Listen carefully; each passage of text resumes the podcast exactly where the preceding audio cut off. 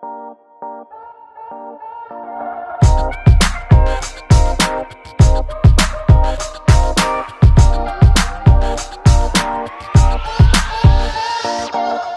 pagi, selamat siang, selamat sore, dan selamat malam buat teman-teman Abbas Talk. Hari ini episode ke...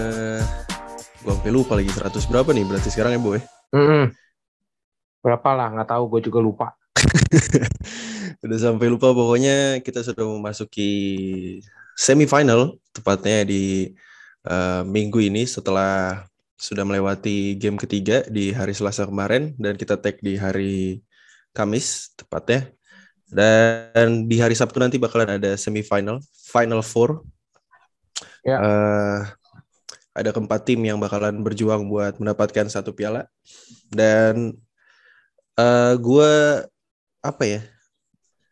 Eh seru banget sih playoff kali ini menurut gue karena eh ada tiga game yang sampai di eh pertandingan terakhir ya bilangnya sampai ke Ya, ya. series Sampai ketiga Ya. game ketiga dan semuanya menyajikan eh, apa pertarungan yang eh, tanpa ampun gitu maksud gue sampai menit-menit akhir juga mereka masih berjuang gitu Ya. dan gue rasa sih lu sebagai komentator juga pastinya inilah ya pastinya merasakan hal yang sama lah ya harusnya ya Iya, iya, iya. Soalnya emang tadi yang udah sempat lu bilang ya, dari empat game yang disajikan di perempat final kemarin, eh, ada tiga game yang berlangsung ke babak atau do or die game ya di game ketiga. Sebenarnya betul sebenarnya kalau ngelihat eh, Hang Tua juga sebenarnya kemarin bisa ya. Apalagi di game pertama menurut gua Hang Tua dapat change yang cukup besar untuk memenangkan pertandingan. Sayangnya eh, mereka nggak bisa close the game aja sih. Apalagi kalau misalnya kita eh, back to pertandingan itu, gua lihat Neno sama Sevion Donu nggak seperti musim reguler ya. Jadinya ya, menurut ya, gua kehilangan eh, me- mesin skornya agak hilang sih di dua orang itu. Coba kalau andai Shefli atau eh, Neno di antara dua orang itu step up sih bukan gak mungkin kemarin SM juga sampai ke game ketiga ya. Soalnya kemarin menurut gua Hang Tua Kelly Purwanto, Gunawan, Fafa Karsera itu mainnya udah Hmm. bagus banget ya. Lawan ya, ya, ya. Satria Muda kemarin apalagi pemain asingnya si Ronnie Boys itu menurut gua langsung tune in ya. Jadinya Hmm, hmm, hmm. kesempatan untuk menang tuh sebenarnya gede banget cuma sayang nggak bisa close close the game aja sih gitu. kita mungkin Chen kita mungkin review sedikit ya pertandingan kemarin ya sedikit sedikit aja ya, ya, ya. sebelum kita maju Ya, ya. ke preview semifinal nanti mungkin tadi kalau dari Boleh. gua Hang Tuah lawan SM eh ya tadi eh, Hang Tuah nggak bisa close the game dan mungkin eh, dalam satu sisi Satria Muda juga belum terlalu siap ya di babak playoff kalau menurut gua kemarin eh, mungkin paling paling mentok atau paling bagus sih penampilannya Elia Foster ya paling konsisten Hmm. sisanya ya, ya. paling Juan Loren ya di game keberapa gitu Juan Lorennya yang bagus Arki oke sisanya sih apalagi Hmm. Sandi Ibrahim ya Sandi Ibrahim di di dua game itu sih menurut gue sangat bapuk sih bisa dibilang ya. Sandi kayak nggak nemu- Mhm. nggak nemuin touchnya juga. Sandi kayak sampai kesel sendiri juga sih Sandi ya. Kalau gue lihat ya, ya, ya. berapa kali. Kalau dari lu gimana yang ngelihat SM lawan Hang Tua sedikit aja kali? Hmm, gue sedikit lupa sih. Kayaknya lu udah pernah bilang sih kalau nggak salah yang yang di episode terakhir tuh kalau Hang tuh eh kalau Satria Muda bisa mengambil game pertama itu jadinya Ya. eh, susah sih buat Hang Tua untuk mengambil game-game selanjutnya karena eh, pengalaman dan mental yang Satria Muda punya sih apalagi Ya. mereka punya seorang kapten Arki Dwi- Dikanya Wisnu yang eh, masih ada eh, apa eh, dari segi skills pengalaman dan fighting spiritnya juga masih dia bawa sampai sampai di game kemarin gitu yang gue lihat sih walaupun ya of players di di di eh, beberapa game juga nggak sebagus yang kita kira di regular season gitu kan. Iya. ada ada penurunannya gitu. Dan gue setuju juga eh Sandi sih yang gue cukup eh, soroti sih. Mungkin gue nggak tahu ya apa mungkin karena setelah dari 3x3 tapi kan kayaknya dia punya waktu yang cukup untuk kembali eh, beradaptasi beradaptasi dengan 5 on 5 lagi ya. Ya apa apa mungkin eh, atmosfer Bandung setelah mereka eh, se- seorang Sandi pernah kalah ketika melawan Papua bersama Jakarta. Apakah itu menjadi salah satu faktor juga atmosfer Bandung? Tapi kita nggak tahu juga. Cuman eh sangat disayangkan sih sekali lagi buat Hang Tua eh, nggak uh, bisa mengambil satu game gitu. Karena yeah, yeah. ya gue sebagai penonton yang netral gitu bisa dibilang ya. Pengennya sih semua game bisa sampai series ketiga sih biar biar ada yeah.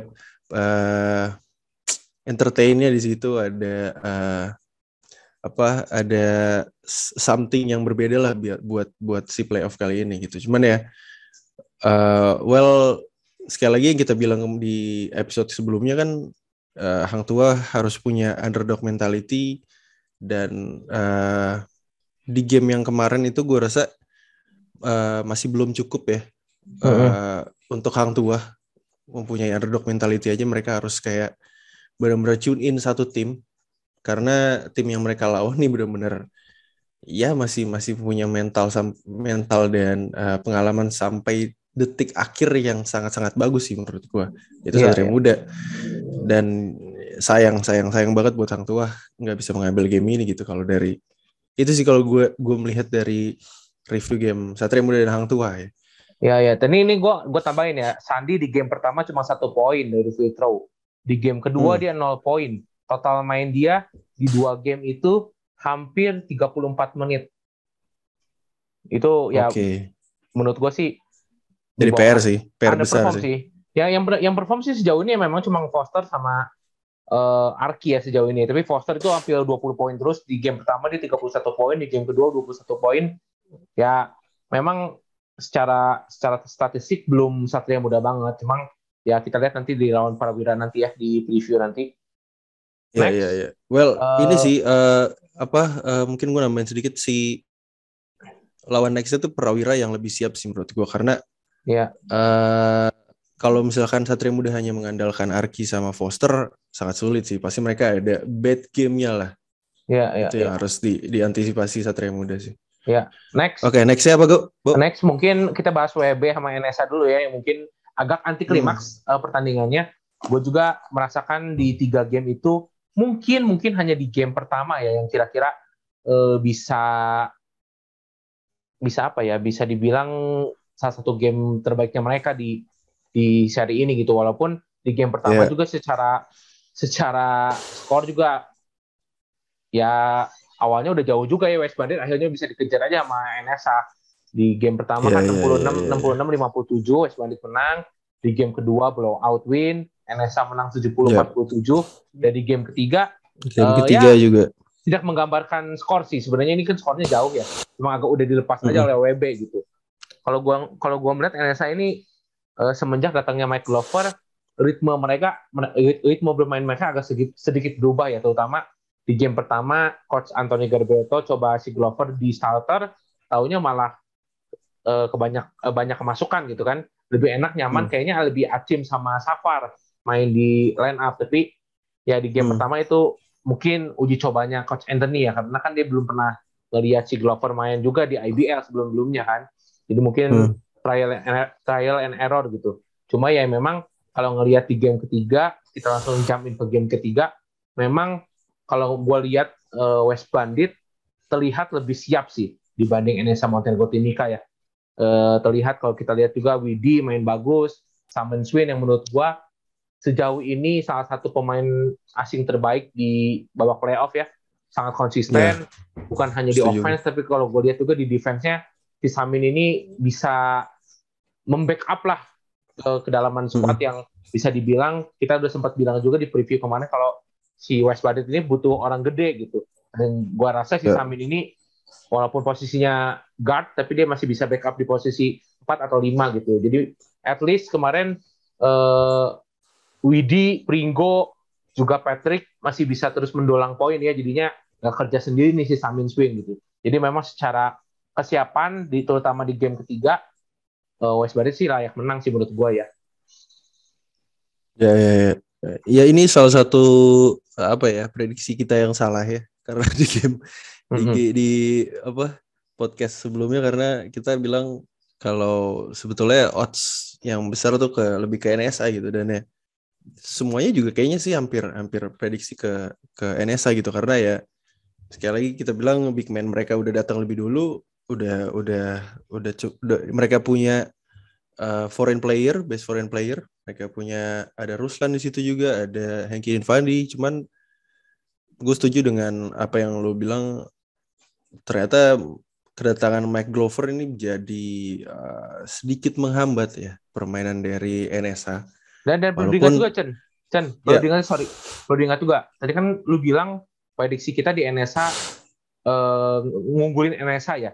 Sebenarnya kalau misalnya hmm. kita lihat based on game 3, sebenarnya ya itu advantage-nya ada di NSA ya kan si Bilal kan nggak main di game ketiga ya. Betul. Nah itu makanya betul. itu makanya gue bingung juga kenapa NSA justru malah ngeflop di game ketiga padahal itu kan momentumnya mereka kan Bilal nggak hmm. main otomatis kan Glover nggak ada lawannya lah tanda kutip kan gitu. Iya iya. iya. Lanjut betul, lanjut. Betul. Dan ternyata ya di game ketiga itu Oke gue terusin ya. Di game ketiga itu ini ya. West Bandit bermain jadi lebih sangat cepat gitu ya dari segi defense dan offense. Good start. Still, iya, stealnya juga banyak banget Widi sama uh, sama Swin gitu. Defense-nya bagus banget. Gue appreciate banget sama kerja keras dari West Bandits. Reboundnya juga beberapa kali, walaupun ada Mike Glover di situ, West Bandit masih bisa uh, nyolong-nyolong gitu. Dan ya sekali lagi kerja keras dari West Bandit ini harus diapresiasi dan membuahkan hasil di game ketiga gitu dengan good start di awal. Mm -hmm. NSA mungkin agak sedikit meremehkan bisa dibilang. Iya, iya, setuju. Jadinya ya ya ya uh, ketinggalan cukup banyak poin dan ketika quarter 4 juga terlihat ibaratnya telat lah ya NSA untuk mengejar uh, ketertinggalan poin yang cukup jauh gitu. 20-an poin nih kalau nggak salah. Iya. Ya belasan kalau nggak salah. Dan itu juga ya harusnya game itu bisa bener kata lu harus bisa harusnya bisa diambil sama uh, NSA gitu. Eh, iya NSA tapi ya gue mau uh, ini sih menyoroti salah satu pemain asing si Samin Swin. Gue gak tau lu perhatiin juga apa enggak, tapi kayaknya badan dia ya, jadi ya. agak sedikit lebih Balki. besar ya. Emang gue gue udah ngomong juga pas komentator kemarin, gue gue ngerasa oh, emang iya, si iya, Samin iya. Swin ini badannya emang mungkin dia gara-gara tinggal di Indonesia ya, kan kebanyakan pemain asing pada pulang dulu ya. Dia tinggal di iya, Indonesia, iya, mau nggak iya. mau, ya dia ngapain Makan. lagi gitu. Uh -uh. Iya, iya, iya. Itu jadi jadi ini sih jadi salah satu uh, sorotan buat gue karena gue rasa dia dia benar-benar uh, mengerti apa ya apa kekurangan dia dan dan dia uh, mau kerja keras untuk untuk untuk timnya juga untuk dia sendiri juga dan hasilnya ya ya kemenangan melawan NSA sih menurut gue dan gue mengapresiasi Samin Swin dengan kerja kerasnya dan Uh, oh tapi gue mau ini sih mau mau uh, si Bilal tuh sempat sempat gak main di game ketiga tuh karena kenapa ya? Ejection gua game kedua. Lupa. Ejection. Oh ejection. Oke okay, mm -hmm. oke. Okay. Jadi tapi di game selanjutnya dia bisa main kan ini? Bisa main bisa main. Dan ini gue tambahin mungkin ya. NSA mungkin yeah. kalah. Uh, kemarin gue sempat juga singgung uh, pas lagi bareng Niko di komentator. Uh, hmm. Free throw mereka jelek banget ya. Di game terakhir itu ini gue buka statistiknya lagi, dia hanya masukin 16 dari 31 percobaan. Itu setengahnya okay. dari McLover tuh. Gue inget banget tuh di game terakhir tuh. Gak tau kenapa ya. Mm-hmm. Uh, gak tahu memang dia merasa dia emang bagus gitu di dua tahun lalu dan di tahun ini agak agak stagnan aja dari segi badan juga nggak ada kurus-kurus ya sih menurut gue ya. Jadinya mm. kayak kayak merasa meremehkan aja tadi yang lu bilang juga kayak kayak merasa meremehkan aja jadinya ya free throw aja ya. Contoh kecil aja mereka sampai nggak masuk setengahnya gitu. Itu bukan di game ketiga aja seingat gue di game pertama juga mereka banyak free iya, throw yeah, miss gitu. Ya ini Betul. salah satu ini sih poin penting untuk tim-tim lain ya bahwa free throw ini boleh dibilang salah satu hal yang mungkin sedikit dilupakan ya. Padahal kalau di game-game besar seperti ini justru sangat solid gitu ya. Iya betul. Betul ya, betul next, setuju gue next mungkin uh, eh, gue bingung nih ini dua game yang menurut gue kalau kita bahas pendek juga agak sayang ya. Dua game yang bu, panas banget sih. Panas banget ya terutama uh, Prawira Dewa kita bahas dulu mungkin uh, ini ya kan sama PJ kali ya. Nanti Prawira, oh, PJ, Prawira boleh. ya Rans PJ uh, yang pasti yang kemarin gue sempat singgung juga pas gue komentator bahwa kehilangan hmm. lagi mononimbar ada poin plus dan ada poin minusnya. Di poin plusnya kita bisa melihat hmm. seorang hmm. ya saya Saudale, kita bisa melihat seorang Hendrik Savionga. Dede. Yeah. Ya Hendrik Dede Savionga dapatkan menit yang luar biasa dan mendapatkan kepercayaan di waktu-waktu crunch time. Itu poin plusnya untuk Pelita Jaya. Yeah, yeah. yeah. Uh, ya which is good ya buat mereka buat regenerasi mereka ya tapi di sisi positif sangat bagus ya sisi negatifnya kehilangan lagi mononimbar menurut gua rotasi mereka agak jadi kurang gitu jadi menurut gua apa ya Arigi dipasang posisi tiga tiga jadi jadi di backupnya kehilangan seorang Arigi gitu padahal menurut gua Arigi cocoknya di second line up dua Iya, kalau misalnya di second line up, mm-hmm. menurut gua PJ nggak kehilangan uh, pelurunya nih. Tapi si, si Arigi main di awal, jadinya di lapis keduanya agak bingung kan. Si Govin kemarin mm-hmm. di main awal juga Govin lagi jelek-jeleknya sama kayak Sandi gitu. Wicak juga nggak mm-hmm. se-eksplosif biasanya. Untungnya, mm-hmm. untungnya mereka masih punya Prastawa ya. Yang menurut gua di tiga game itu ya boleh dibilang dia nunjukin kelasnya sih. Untungnya ya. Dan perlu diingat lagi, yeah dan perlu diingat lagi, kalau misalnya si saya sama si Dede kan step up juga gitu. Kalau nggak ada Dede yeah. sama Yesaya sih gue nggak ngerti lagi ya. Mungkin bisa di swap sama Rans 2-0 tuh kemarin. Kalau ngelihat Rans mainnya kayak gitu. Ya, ya, ya. Ya kalau dari, kalau dari sisi Rans, eh, ya gue mengakui lah ya.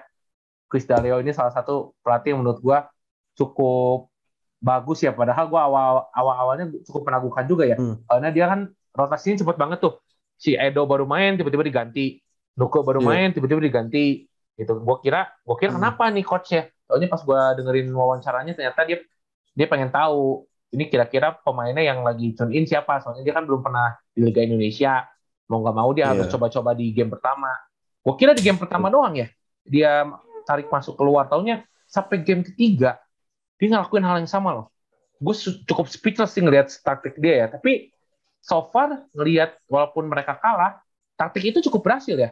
Maksudnya mm-hmm. cara rotasi pemainnya, terus ngelihat mm. ngelihat para pemain mudanya diberikan kepercayaan yang luar biasa kayak Edo, Altov, uh, dan perlu diingat juga ya Nuke kan baru balik juga dan terlihat Nuke yeah. langsung langsung tune in juga ke tim. Dan kemarin yeah. di game terakhir bisa dibilang one of the best gamenya Okiwira Sanjaya ya. Untungnya yeah. untungnya ya eh, PJ nggak keteteran aja tuh dan bahkan Oki di kuarter empatnya nggak masuk masuk coba kalau di kuarter empatnya ikutan masuk masuk juga beres tuh yeah, game yeah, yeah. soalnya gamenya kan udah yeah, beda yeah. 10 poin waktu awal kuarter empat tuh kan cuma ya Okinya telat dimainin juga telat dimainin juga pas game keempat eh kuarter empat itu sayang aja sih yeah, yeah. Ya, so far one of the best series sih buat IBL musim ini ya PJ lawan Rans. Oh, yeah, yeah. Kalau menurut lu gimana? Setuju, setuju, setuju. Gue uh, melihat dari game ketiga ya, karena ya game ketiga kalau boleh, boleh jujur yang paling full gue tonton gitu kan sampai akhir. Uh, kedua keduanya sih gue agak kaget sih karena uh, di tiga quarter awal tuh Rans bisa memimpin poin gitu kan dengan Pimpin terus. Uh, selalu konsisten di tiga tiga tiga quarter itu dan Okiwira sih sekali lagi eh, game 3 Okiwira sih gokil sih. Setuju gue dengan dengan pendapat Jeremy uh, lu dan dan dan yang Jeremy juga. Uh, tapi ya sayang banget sih di di quarter akhir tuh hilang momentum ya bisa dibilang ya kayak Okiwira ya. Iya, telat dimaininnya Chen telat dimaininnya itu juga bisa jadi uh, faktor but uh, gue melihat dua uh, beberapa pemain muda dari Pelita Jaya dari uh, Dede ya saya uh, Arigi juga mungkin bisa dimasukin dalam situ yeah. it's really fun to watch them dapat menit banyak gitu kan dapat mm -hmm. dapat uh, kesempatan dan mereka bisa nunjukin gitu di di game lawan Rans ini di playoff loh. Ini bukan di regular season sekali lagi.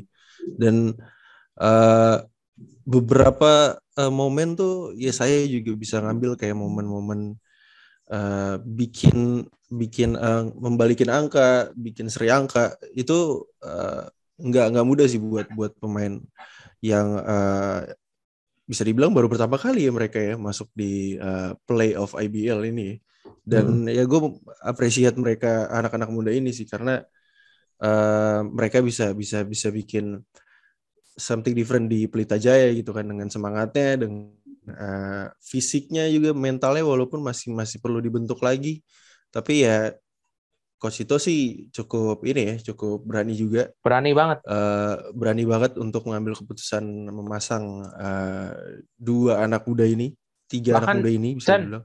Bahkan di kemarin di kuarter 4 terakhir tuh lawan ya. Rans, ada sempet tuh line up-nya cuma Diolohon pemain gedenya, sisanya Pras, Arigi, Dede ya. sama Yesaya tuh.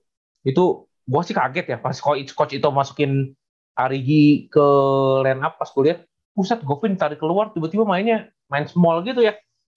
Iya, iya, iya. Dan uh, ini jadi jadi apa ya? Jadi trigger buat tim lain juga sih kayaknya uh, eh, PJ bisa dibilang untuk 3 sampai lima tahun ke depan di, mereka ada ada di ada di uh, track yang track record yang bagus yeah. sih harusnya dengan pemain-pemain yeah. muda ini ya. Tapi balik lagi untuk playoff sampai di uh, final jelas tidak mudah.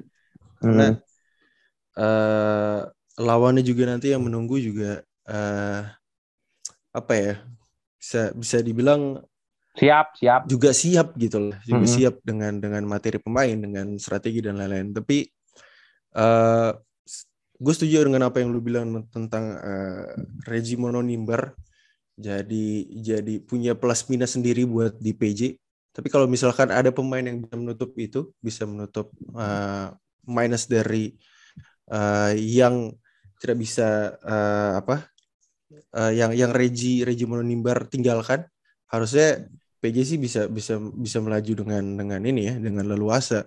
Yang gue harapin sebetulnya sih uh, Fernando, cuma Fernando-nya nggak nggak dapat menit. Fernando iya sebenarnya nggak dapat menit Fernando-nya. Ya atau atau mungkin Govin gitu yang harusnya bisa lebih step up yang yang gue harapkan sih. Mm-hmm. Tapi ya kita lihat nanti di di game selanjutnya sih karena bakalan seru banget sih pastinya sih. Iya iya iya ya. Gue mungkin uh, sebelum lanjut ke Dewa lawan Prawira, ini ya tadi gue sempat lupa juga singgung kalau sebenarnya coach itu juga sedikit bingung ya. Ini kalau kita mainin mainin banyak pemain muda dengan pace yang begitu cepat, apakah seorang Diolohon masih efektif ya? Karena kalau gue ngeliat si Lohon nih semakin males gitu kalau gue lihat kode defense-nya ya. Karena ya, kan gesturnya temponya kan cepet banget ya. Kalau yeah. kemarin makanya kan ada beberapa eh, di game kedua itu si coach itu banyak kan main si Vincent dibanding si Dior gitu karena ya memang secara pace agak susah kalau mainin Diolohon dengan ya saya Arigi dan juga Dede gitu dengan Pras gitu ya. Yeah, yeah. Makanya kadang-kadang yeah.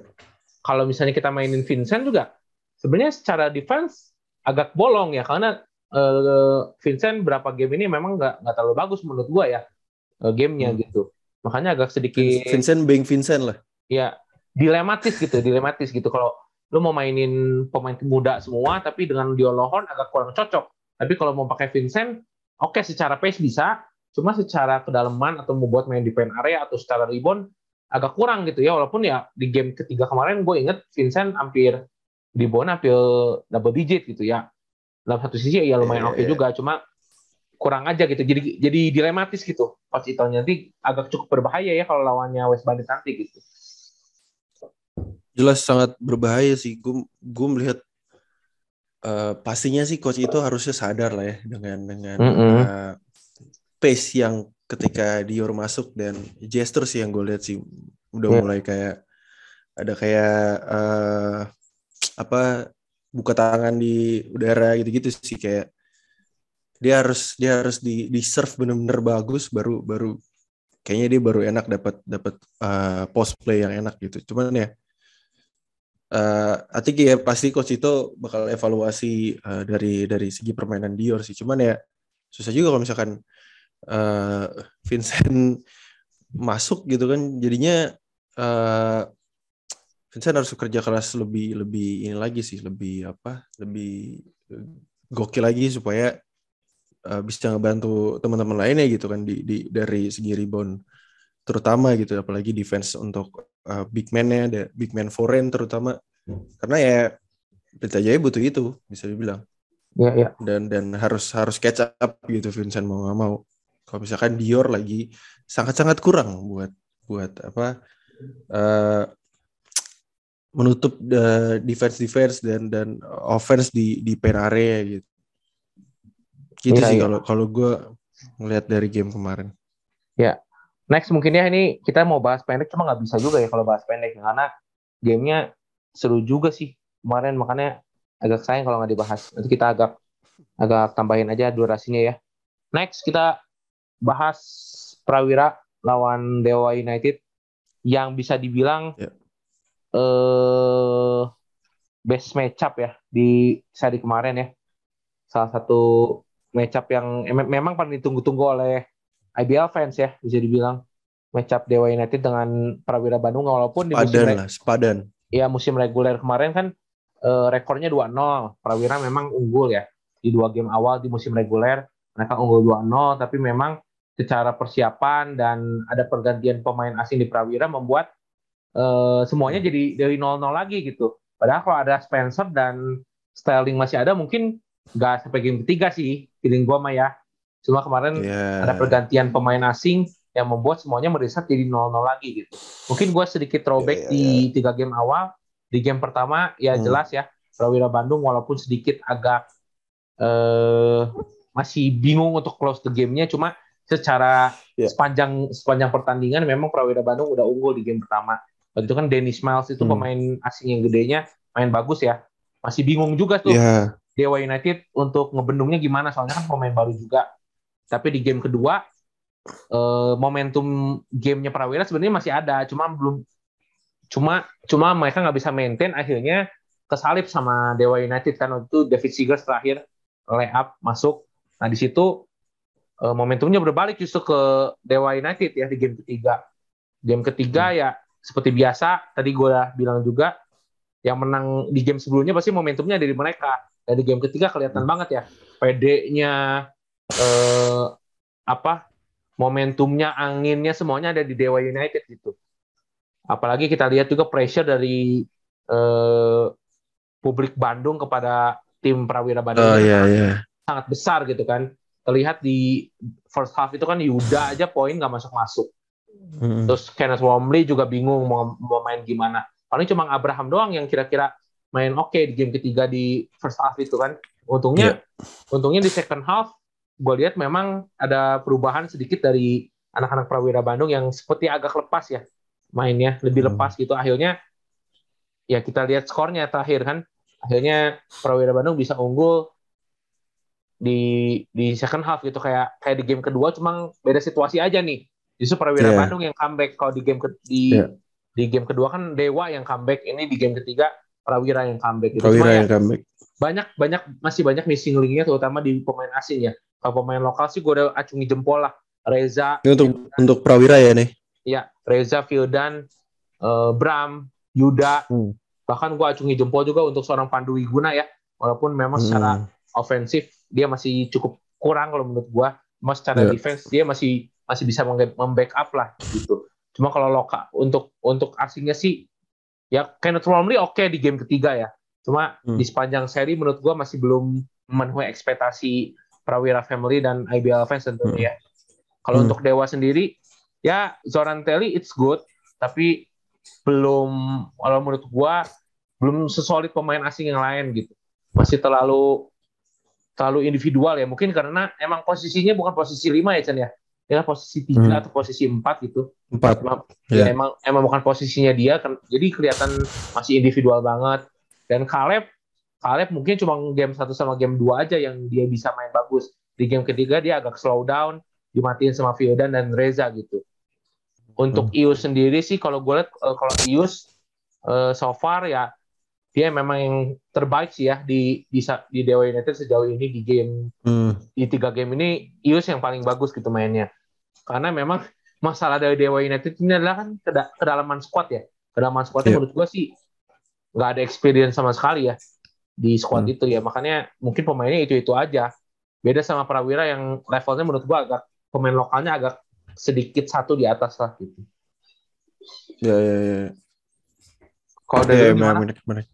Buat si buat kedalaman squad sih gue rasa memang dua-duanya memang ada ada sedikit ini ya sedikit problem lah di sana uh, dari Dewa United uh, mereka agak-agak kesulitan dengan dengan uh, pemain lokalnya yang yang ketika ketika mengganti uh, pemain batch-nya agak agak kesulitan untuk catch up gitu dengan dengan uh, pemain starternya. Dan Prawira juga uh, walaupun nggak nggak seburuk uh, Dewa United cuman ada ada ada sedikit missing link lah. Terutama di uh, gue rasa di di point guard sih yang yang agak uh, harus diperhatikan dari Prawira gitu kan. Kalau kalau bisa dibilang yang point guard murni di Prawira gue rasa Yuda doang ya kayaknya ya.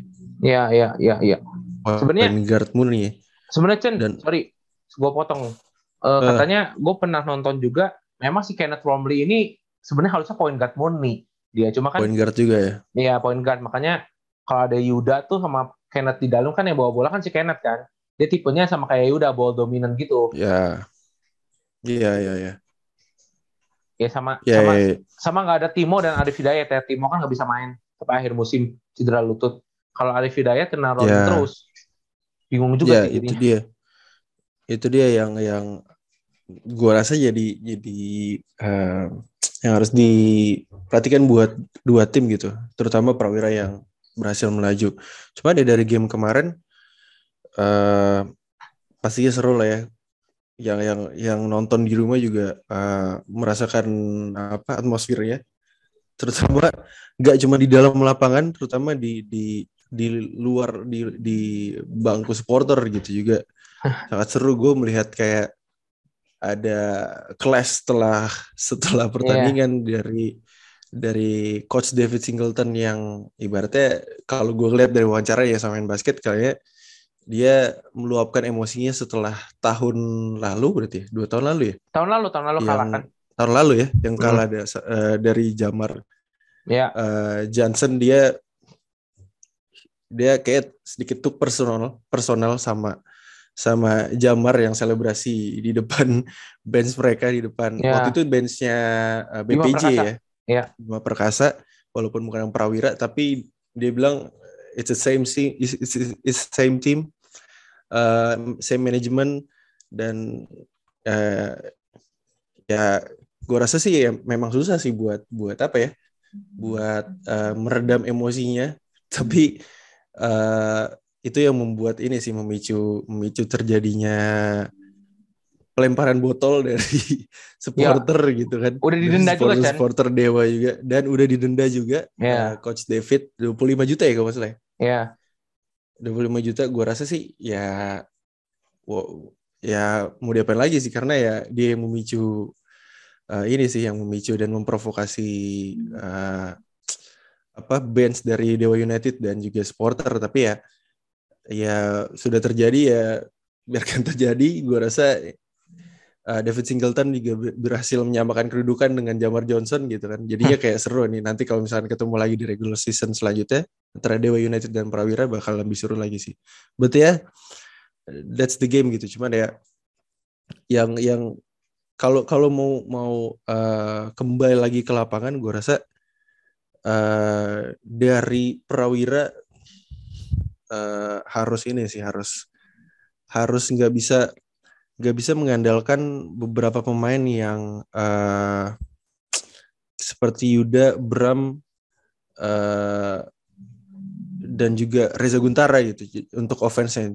Karena bakalan sangat sulit-sulit banget ketika lu ketemu tim yang yang apa ya bisa dibilang ya punya defense yang lebih siap gitu. Defense yang uh, kompak ketika mereka siap untuk double team, siap untuk one on one. Uh, itu bakalan sangat sulit ketika pemain uh, lokal intinya ini yang yang jadi motor penyerang dari Prawira lagi drop, lagi lagi uh, lagi bau lah istilahnya. Yeah. Jadi ya ya pemain asing ini yang lu bilang yang perlu yang yang perlu konsisten lah in in every game karena uh, kalau melihat dari Satria Muda punya Elijah Foster di situ dan Braden Griffin yang juga uh, cukup konsisten gitu. Uh, bakalan bakalan uh, sulit kalau misalkan kedua pemain asing dari Prawira nggak bisa catch up mereka berdua. But uh, series ini dua game, uh, jadi bakalan bakalan kemungkinan masih bisa terjadi sih, gue rasa. Iya iya iya iya. Hmm. Oke, okay. gue mungkin mau nambahin sedikit dari kejadian tadi yang udah udah lu sempat bahas ya uh, bahwa ada kejadian yang tidak diinginkan dari Prawira lawan Dewa United ya. Ada coach David Singleton yang kena yang memprovokasi lah dalam tanda kutip dan dikenain ban kan 25 juta juga. Uh, yeah. Gue sih pengen ngeliat sisi positifnya sebelum kita bahas uh, preview semifinal nanti. Hmm. Uh, memang kita tidak tidak membenarkan juga ya apa yang dilakukan oleh coach Dave dengan yeah, yeah. memprovokasi tim lawan gitu. Cuma kalau gue melihat sepanjang seri ini, terutama tadi ini kita yang lagi bahas ini, game Prawira lawan Dewa ini menunjukkan bahwa ini klub-klub IBL ini pelan-pelan mulai ini Chen, mulai mulai mengumpulkan fanatisme supporternya kalau gue melihat ya. Apalagi yeah, yeah. Uh, Prawira dengan main di kandang, terus kita lihat juga kemarin kalau misalnya lu lihat di screen Dewa United kan nggak tahu ya itu menurut gua sih dibayar ya oleh Dewa United ya ada, ada supporter yang satu komplotan gitu dibayar ya itu oh. uh, uh, bukan bukan hal yang jelek gitu justru menurut gua salah satu hal yang bagus untuk untuk IBL gitu ya ya gue tau lah mm -hmm. Surabaya kan uh, sangat identik dengan CLS dan Pasifik ya kalau kita oh. mengambil masa Surabaya agak cukup berat juga gitu makanya gue mm -hmm. sih apresiasi juga untuk Dewa United yang dengan usahanya gitu mengumpulkan beberapa masa untuk mendukung Dewa gitu. Eh, ini bisa dicontoh yeah, yeah. oleh tim lain sih menurut gua gitu.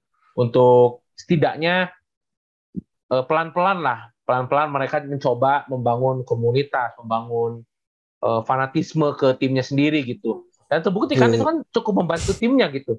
Dewa dengan yeah, yeah, yeah. ada supporter sebanyak itu kan Caleb dan lain-lain kan mainnya lebih keluar gitu. Makanya ya, tapi ini, ada ada ini sih ada ada beberapa apa muka-muka dari Dewa United kayaknya beberapa karyawan juga sih yang familiar kayak iya. uh, siapa ya waktu itu ya?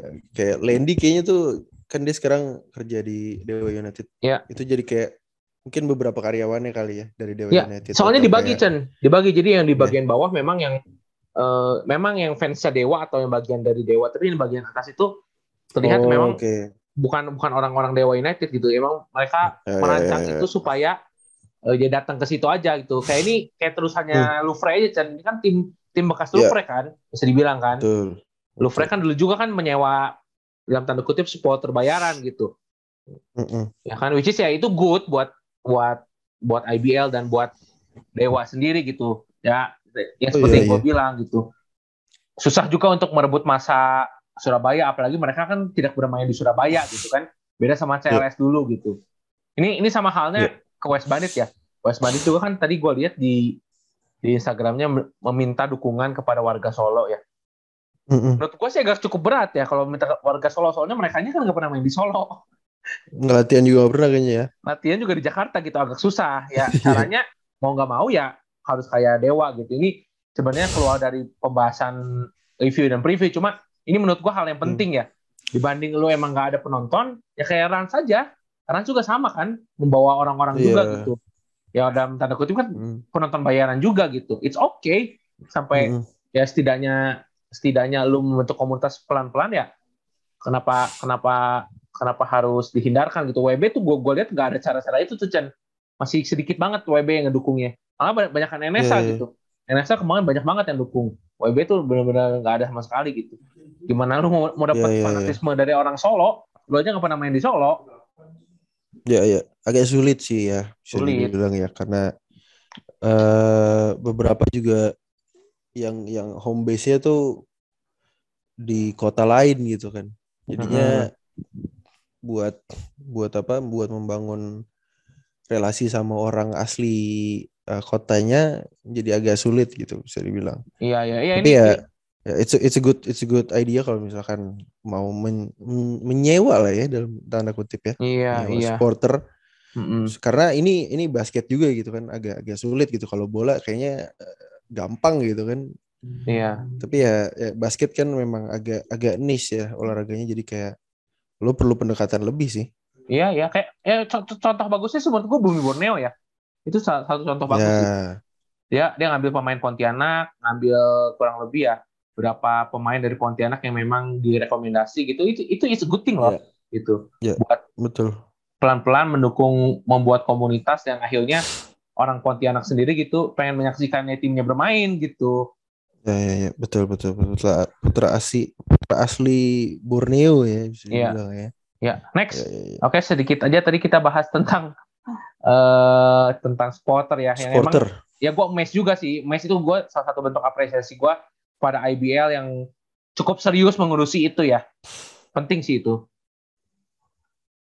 betul, setuju. Ya. setuju. Next kita So, kita- preview Mau dari mana dulu nih? Preview Iya. mana dulu nih? apa PJ ya? PJWB kali ya, Chen.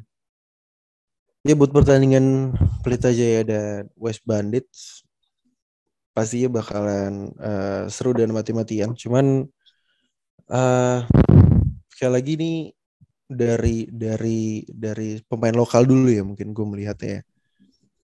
Sama-sama ini sih sama-sama punya eh apa eh ibaratnya punya level yang yang kalau misalkan kita bandingkan kita timbang-timbang nih harusnya punya level yang sama gitu apalagi mereka punya eh, dua point guard penting ya dari Ya. masing-masing tim ada Prastawa dan Widianta Putra Teja yang Poin guard timnas. di di di game mereka di playoff tuh mereka sama sekali nggak menurunkan apa kualitas mereka.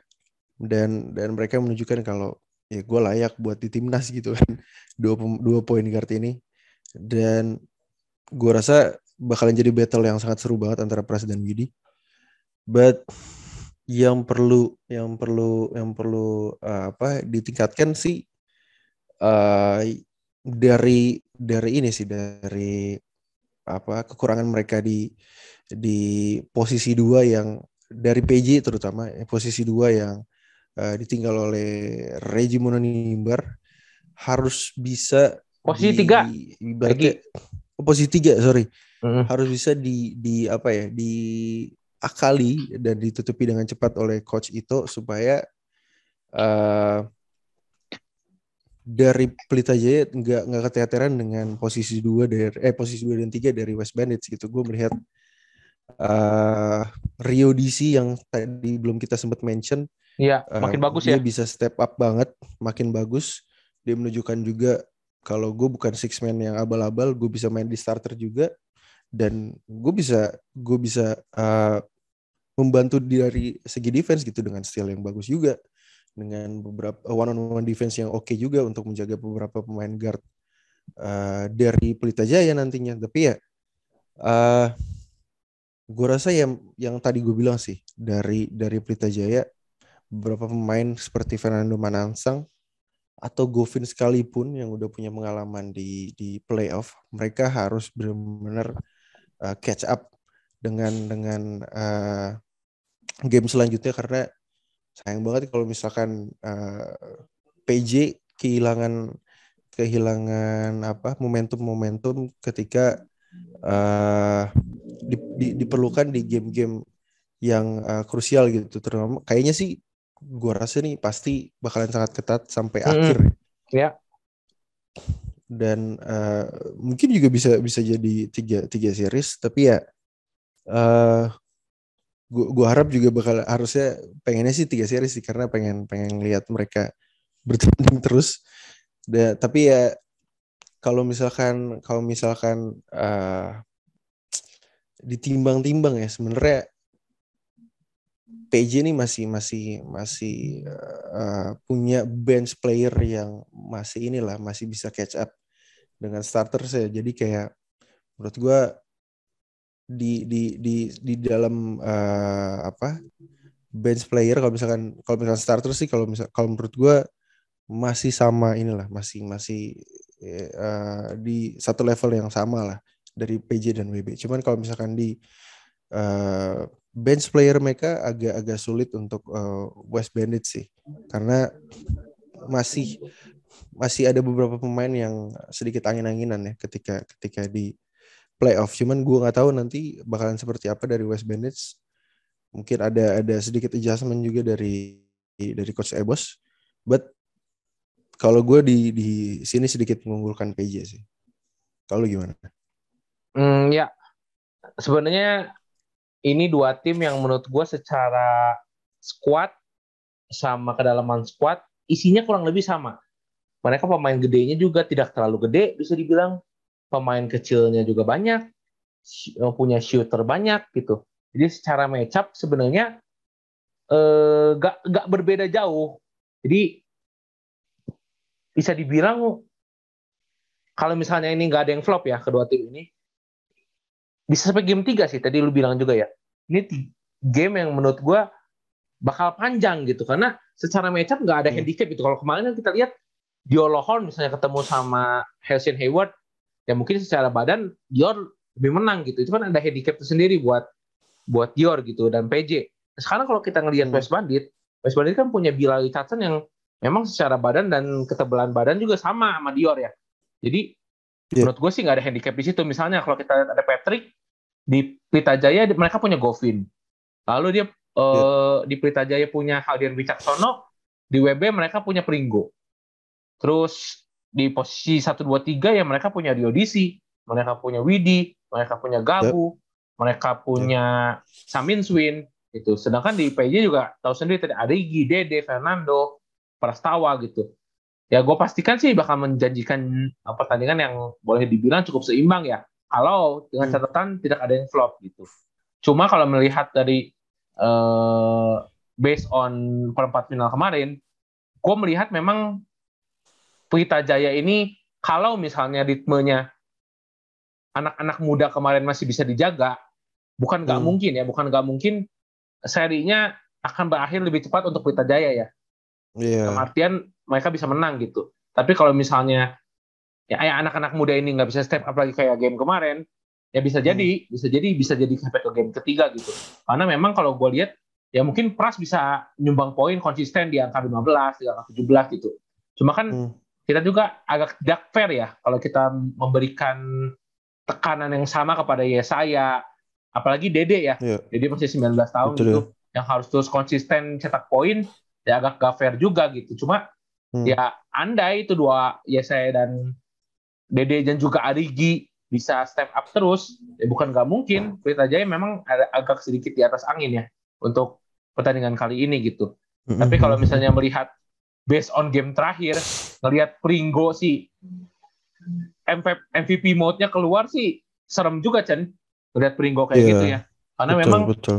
Pringgo kan salah satu pemain yang cukup komplit juga walaupun memang uh, agak berat ya ngelihat Pringgo kalau misalnya terus jaga pemain-pemain gede. Karena kan kadang-kadang si Patrick yang ditugasin uh, buat jaga pemain gede, fallnya suka banyak terus Patrick kan. Mm. Makanya kadang-kadang suka Pringgo yang nutupin kasih uh, sayang juga gitu fall-fallnya Pringgo padahal kan dia dibutuhin untuk offense-nya uh, West Bandit gitu.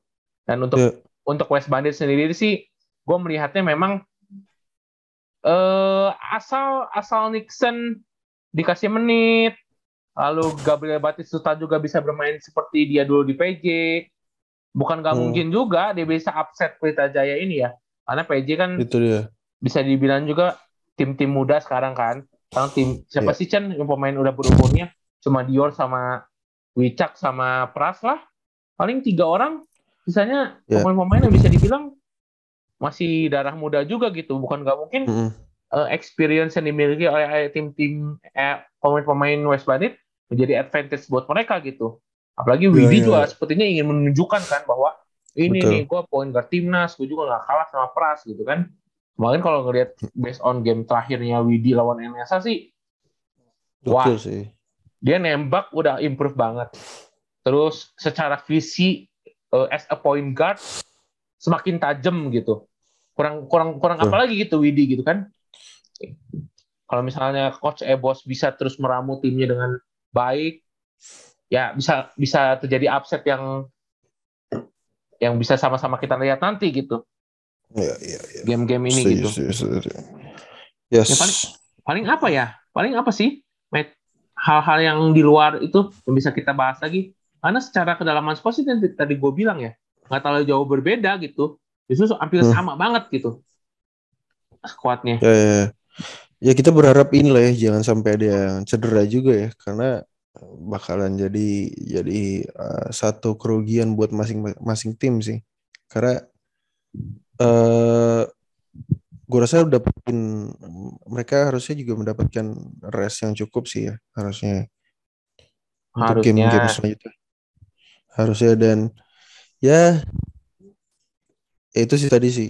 Ya semoga nggak ada yang cedera aja sih Iya iya, ini gue gue lagi cek sih. PJ lawan West Bandit kan cuma ketemu sekali ya di regular season kemarin. Kemarin siapa yang menang? Hmm. Kayaknya PJ sih. PJ kan cuma kalah dua kali ya, sama Prawira doang. Soalnya PJ sih ingat gue PJ PJ PJ yang menang ya. Nah ya itu bukan Hmm. bukan tolak ukur juga sih soalnya PJ udah ganti pemain asing. OEB Betul. juga udah ganti pemain asing gitu kan. Melihat Samin Iya. Swin tadi kita udah bahas juga Saminnya makin ganas gitu. Mm-mm. Eh kita belum sempat singgung si Ricardo deh loh. Si Ricardo deh ini anggot-anggotan juga nih Oke. gue lihat nih. Anggot-anggotan juga masih belum tune in juga ya nggak nggak ngerti kenapa gue. Karena gue lihat nembak-nembak mulu nggak masuk-masuk. Di- jadi akhirnya mau nggak mau si Dior lagi yang main pemain asingnya. Nggak bisa nge-backup Iya, juga iya, dia. Ya, jadi Dede yang lebih mirip kayak pemain asing ya jatuhnya ya. Untungnya ya. Untungnya dia bisa step up sih. iya sih gue eh kaget juga sih ngeliat dia jadi starter tuh ketika game 3 ya pak kalau nggak salah ya. Iya, iya.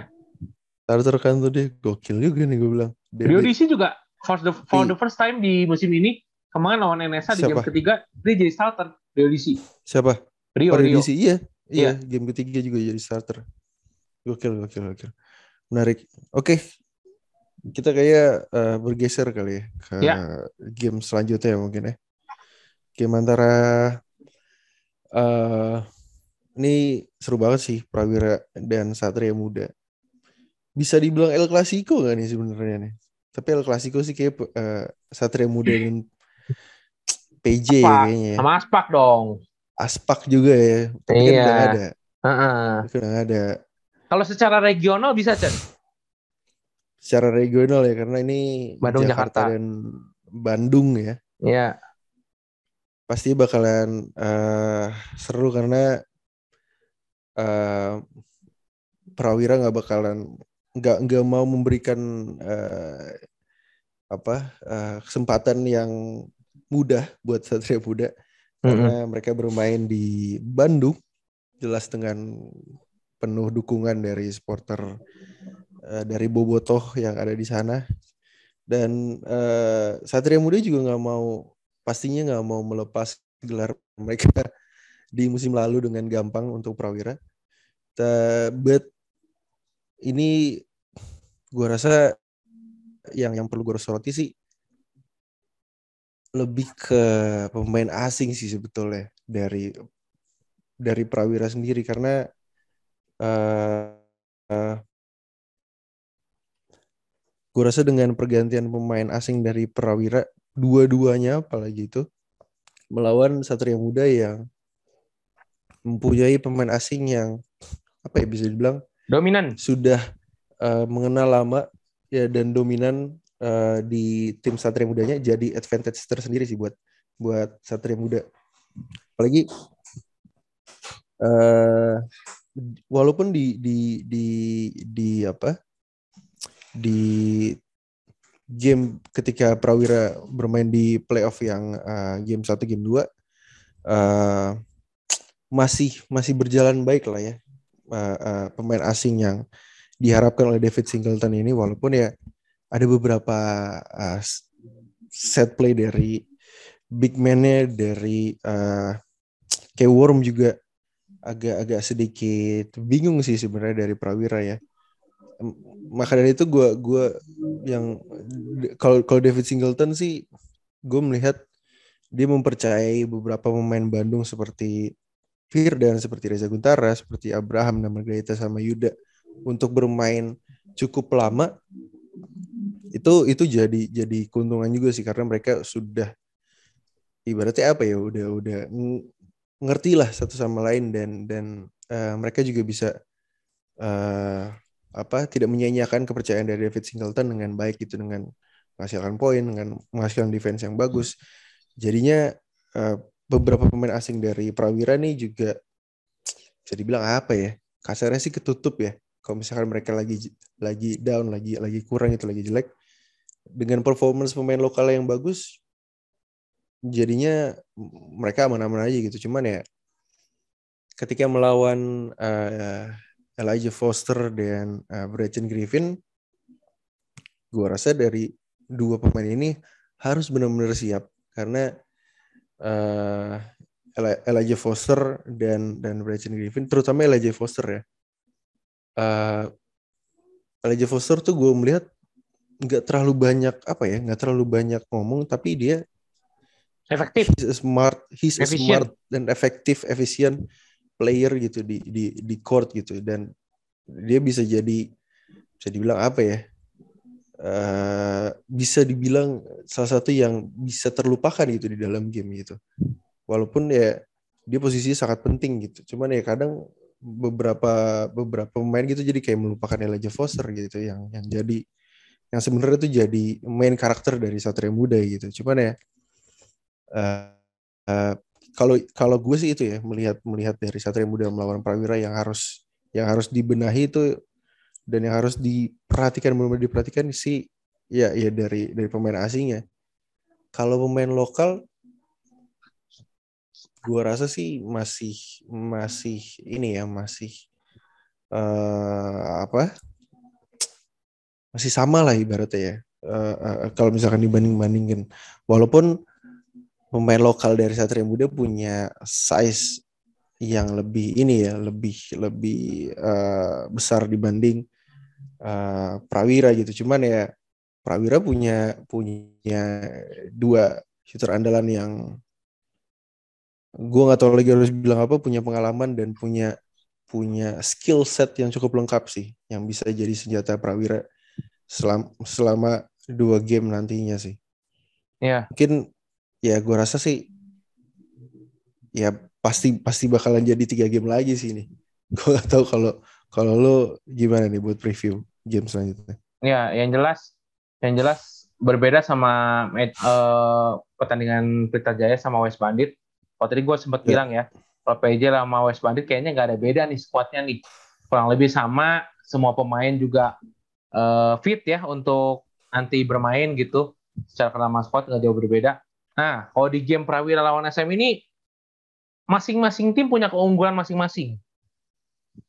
Kalau SM dengan size-nya, lalu dengan experience-nya tadi lu bilang, uh, salah yeah. satunya ya Elia Foster yang boleh dibilang ya pemain terbaik saat ini ya untuk untuk masalah uh, pemain asing ya.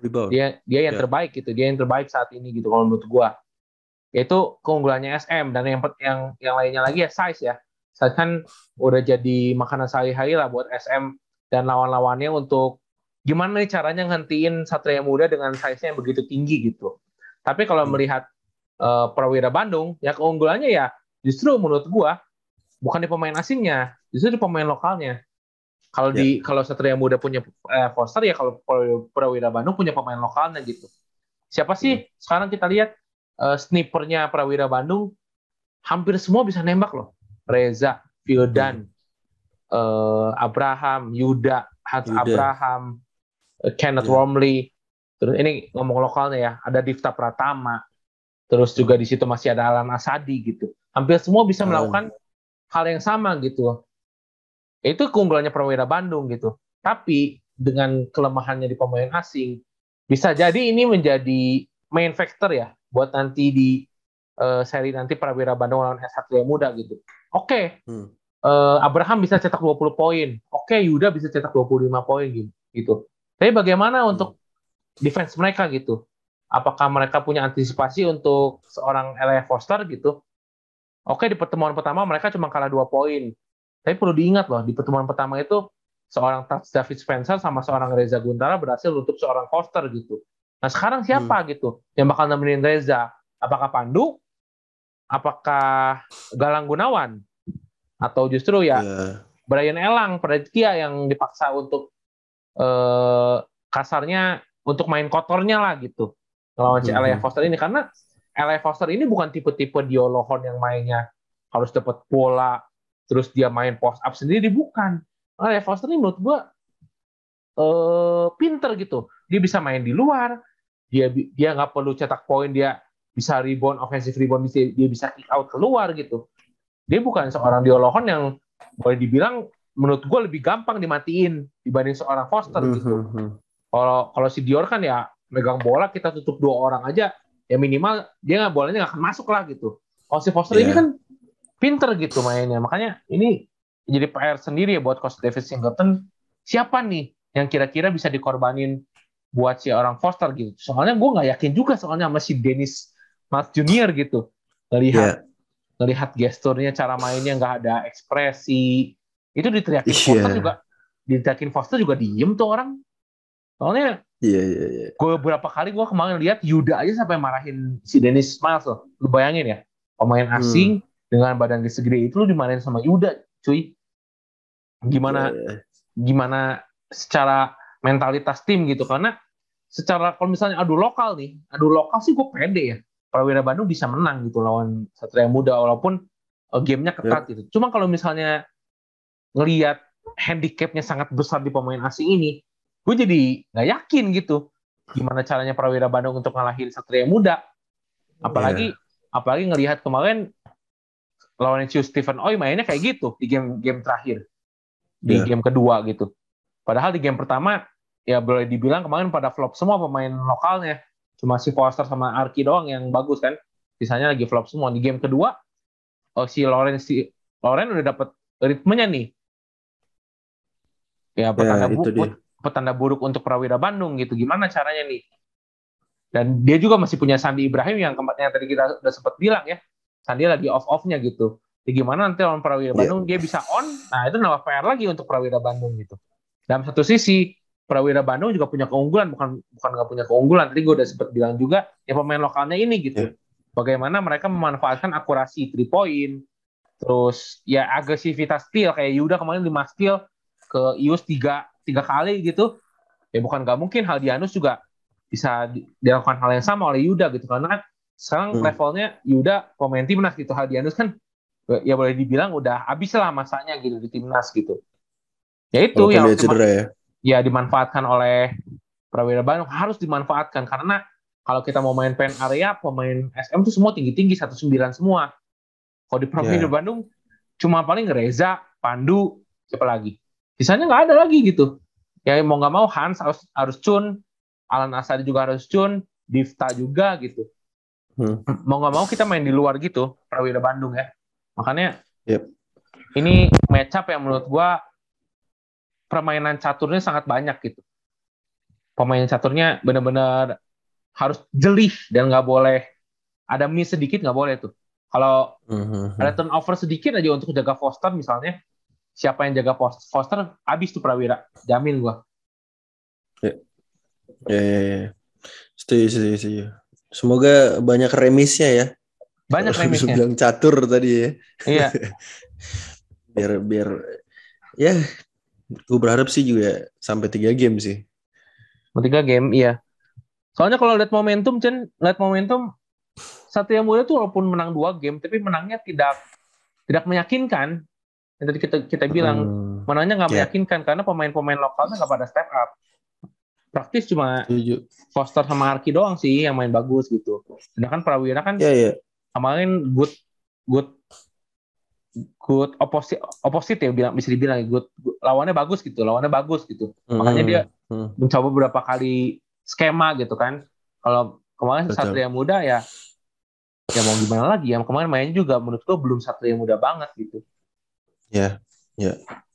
Gue melihat di eh, salah satu cuplikan juga kayaknya lu sempat lihat juga kalau gue rasa di pas halftime game satu apa kayak game dua Game ya? satu, game satu yang Arki Game mana-mana satu ya. ya yang Arki, iya Arki marah-marah. Gue rasa ya apa yang lu bilang tadi juga Arki juga merasakan gitu. Jadi kayak ya mungkin mungkin mungkin ini baru ini ya baru baru game mereka pertama kali di Bandung gitu. Jadinya kayak masih ada grogi-groginya dikit, masih ada uh, miss-nya, masih ada kayak kurangnya. Ya, we'll see nanti ketika melawan Prawira seperti apa. Karena tapi ini game yang yang tidak boleh ada terlalu banyak turnover, terlalu banyak kesalahan Iya. karena bakalan jadi uh, blowout blowout game kalau misalkan uh, terlalu banyak kesalahan. But ya it's two game masih masih masih banyak kemungkinan. Jadi ya kita lihat nanti lah, bakalan seru banget sih. Gue nggak sabar juga. Mm -hmm. Oke, okay. mungkin segitu dulu ya pembahasan kita. Udah sejam juga nih kita ngebahas dua game ini. Thank you buat uh, teman-teman Abbas yang udah dengerin. Mohon maaf yes. kalau pembahasannya uh, kurang lengkap atau misalnya ada ada kesalahan ya. Ya, yep. okay. betul betul betul. Kenapa, Bu? Enggak enggak. Pencet. Kedengeran nggak suaranya? Oh. Masuk dong. udah, udah. Oke. Okay. Thank you buat yang sudah mendengarkan. Oke. Okay. Sampai ketemu lagi di next episode ya, guys. Oke, okay, bye.